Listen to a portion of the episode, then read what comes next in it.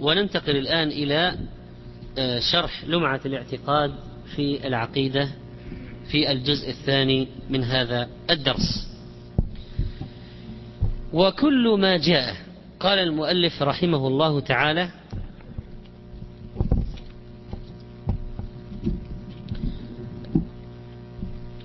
نعود إلى قوله ونفذ حكمه في جميع العباد لا تمثله العقول بالتفكير ولا تتوهمه القلوب بالتصوير ليس كمثله شيء وهو السميع البصير.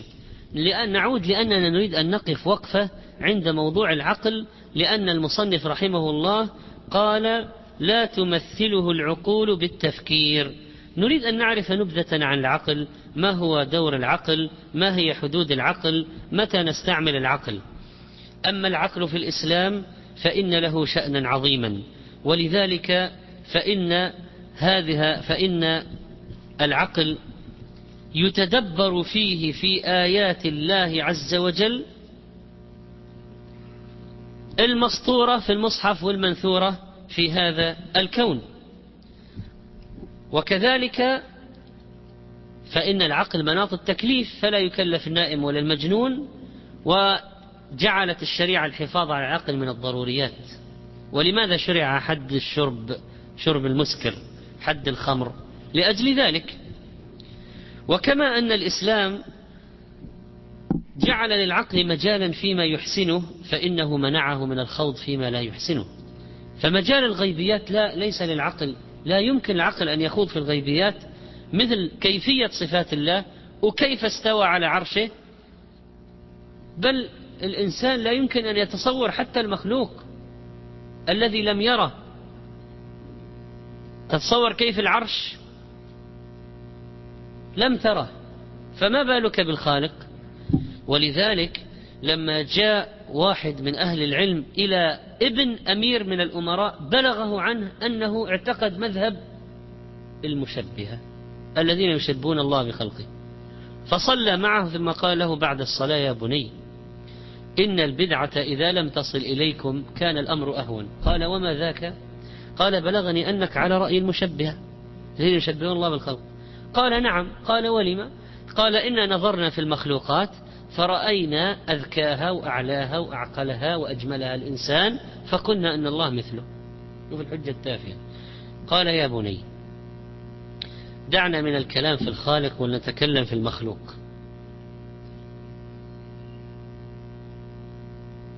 لقد جاء في الحديث الصحيح أن جبريل عليه السلام له ستمائة جناح. فكيف يكون له ستمائة جناح؟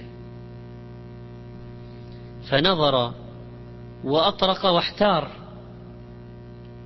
قال فإني أسقط عنك خمسمائة وسبعة وتسعين جناحا فهات لي طائرا بثلاثة أجنحة وقل لي أين يركب الجناح الثالث. فنظر فأطرق فاحتار فقال تبت إلى الله. قال هذا الكلام في المخلوق.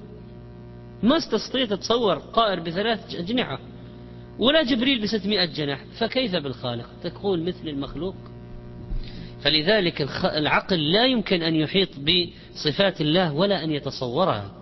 ما له مجال ولا يحيطون به علما. نخرج من هذا تماما من هذا المجال.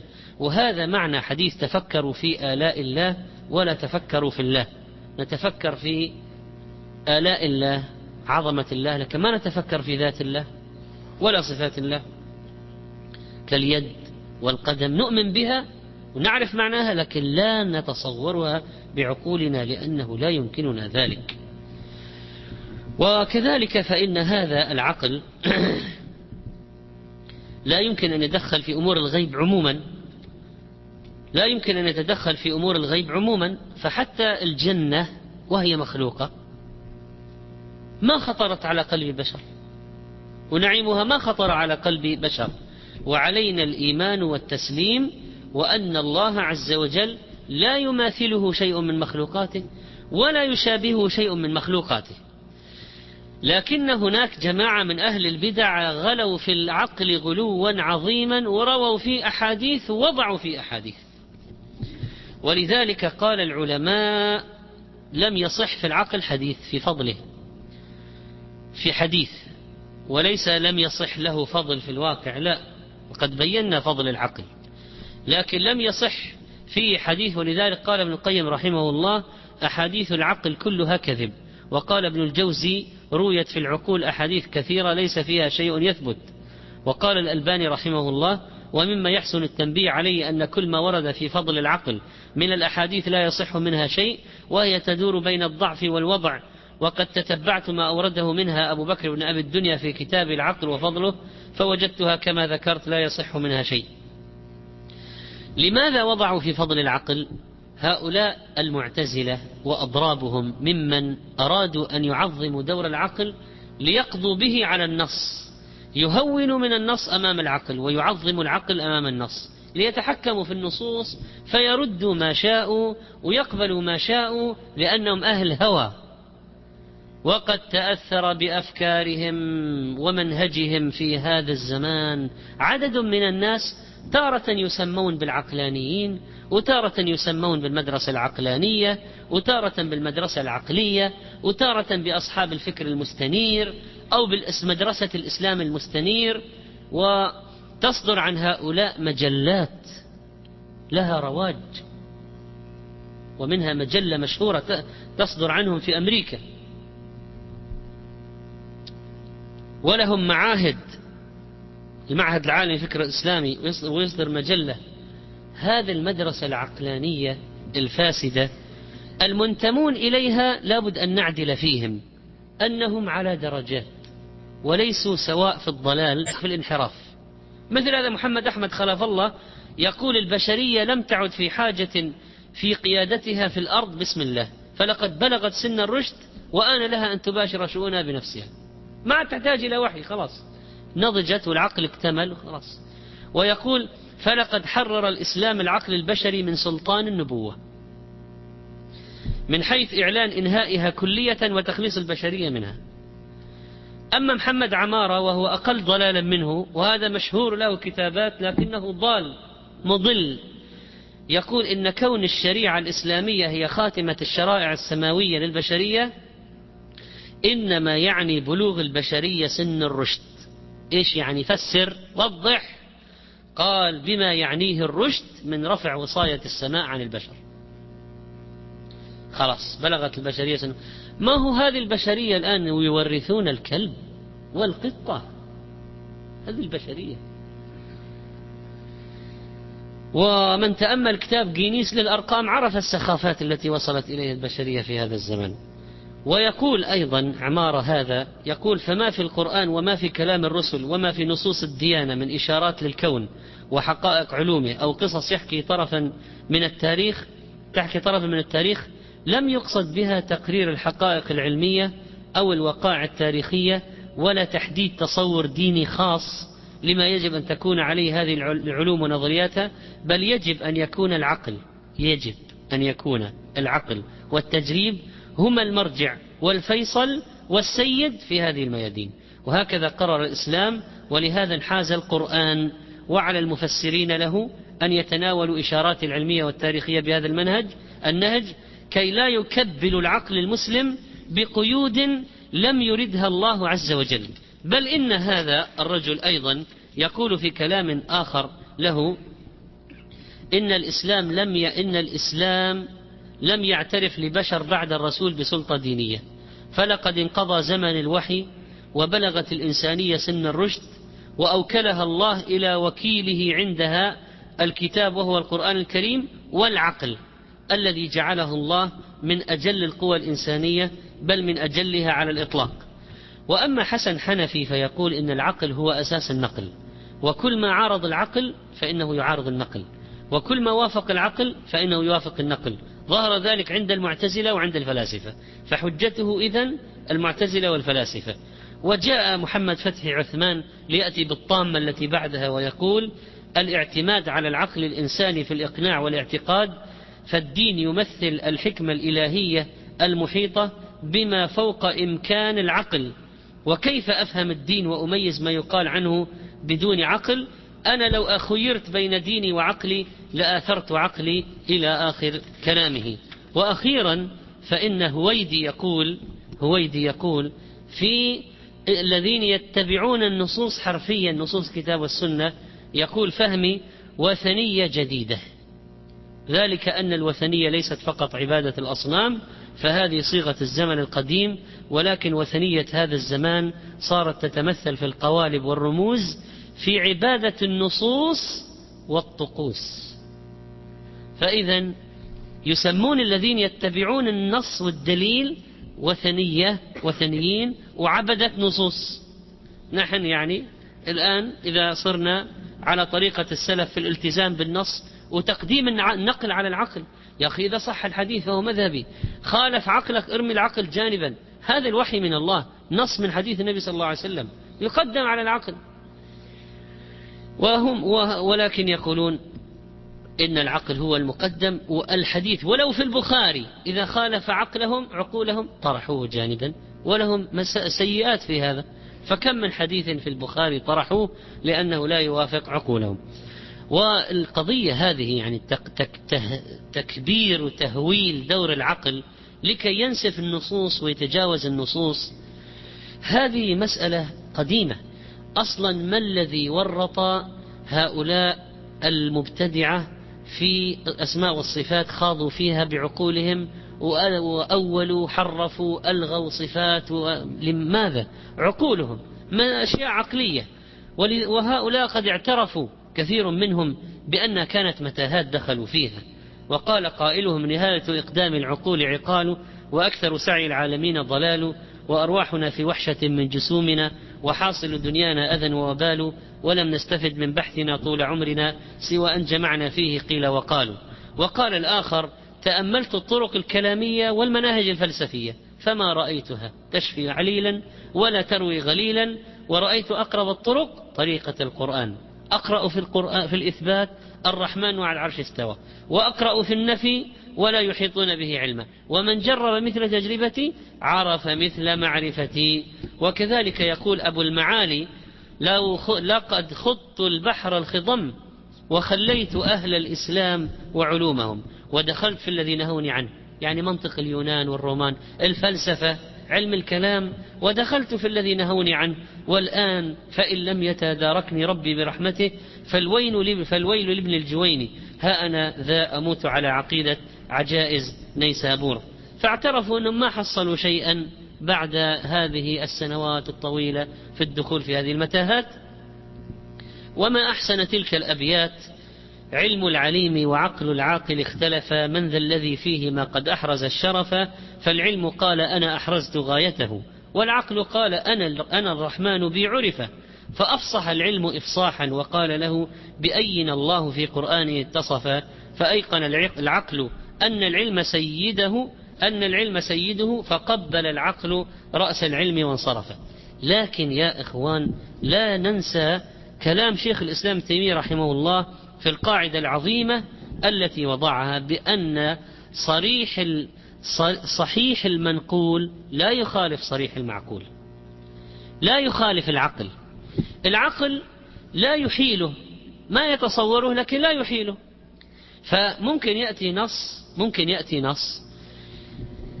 لا ي... نص صحيح. العقل لا يدخل فيه لأنه لا يتصوره لكن لا ينفي. يعني مثلا الآن يقول واحد نزول الله إلى السماء الدنيا.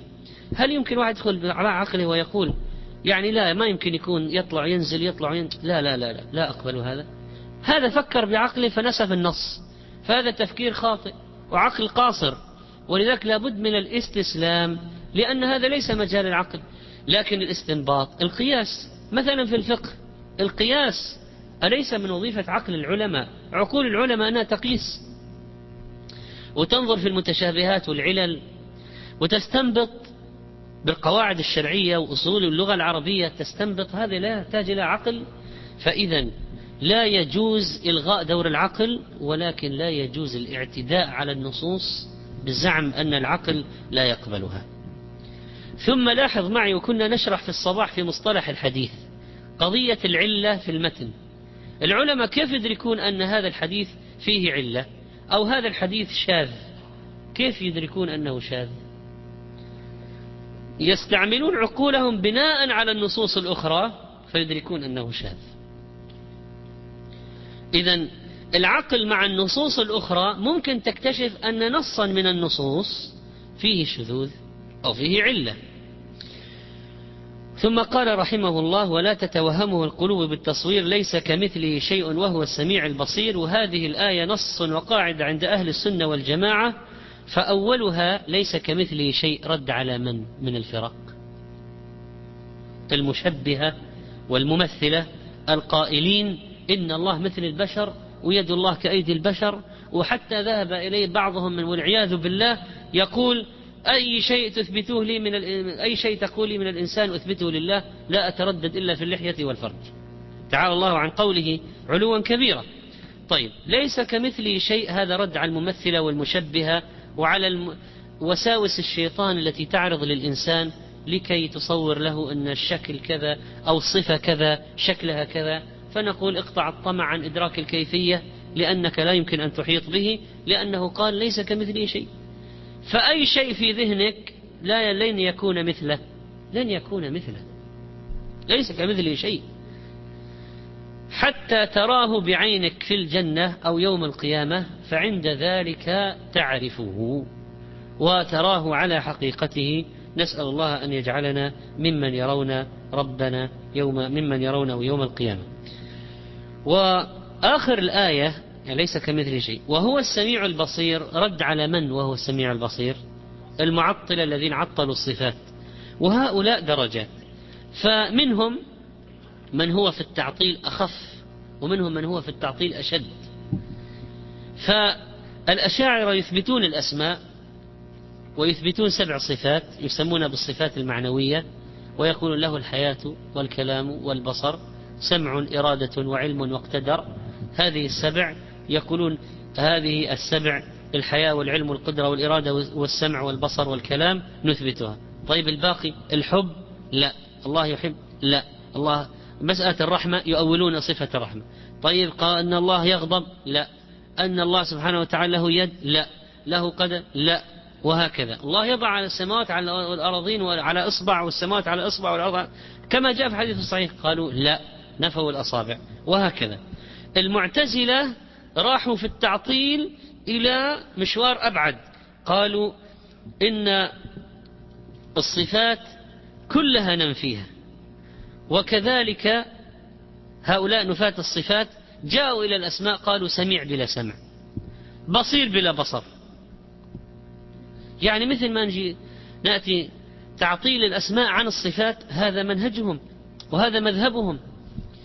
وأما الجهمية نفوا الأسماء والصفات ويصفون الله بالسلوب فإذا قلت له إذا نفيت الأسماء والصفات إيش تقول عن ربك؟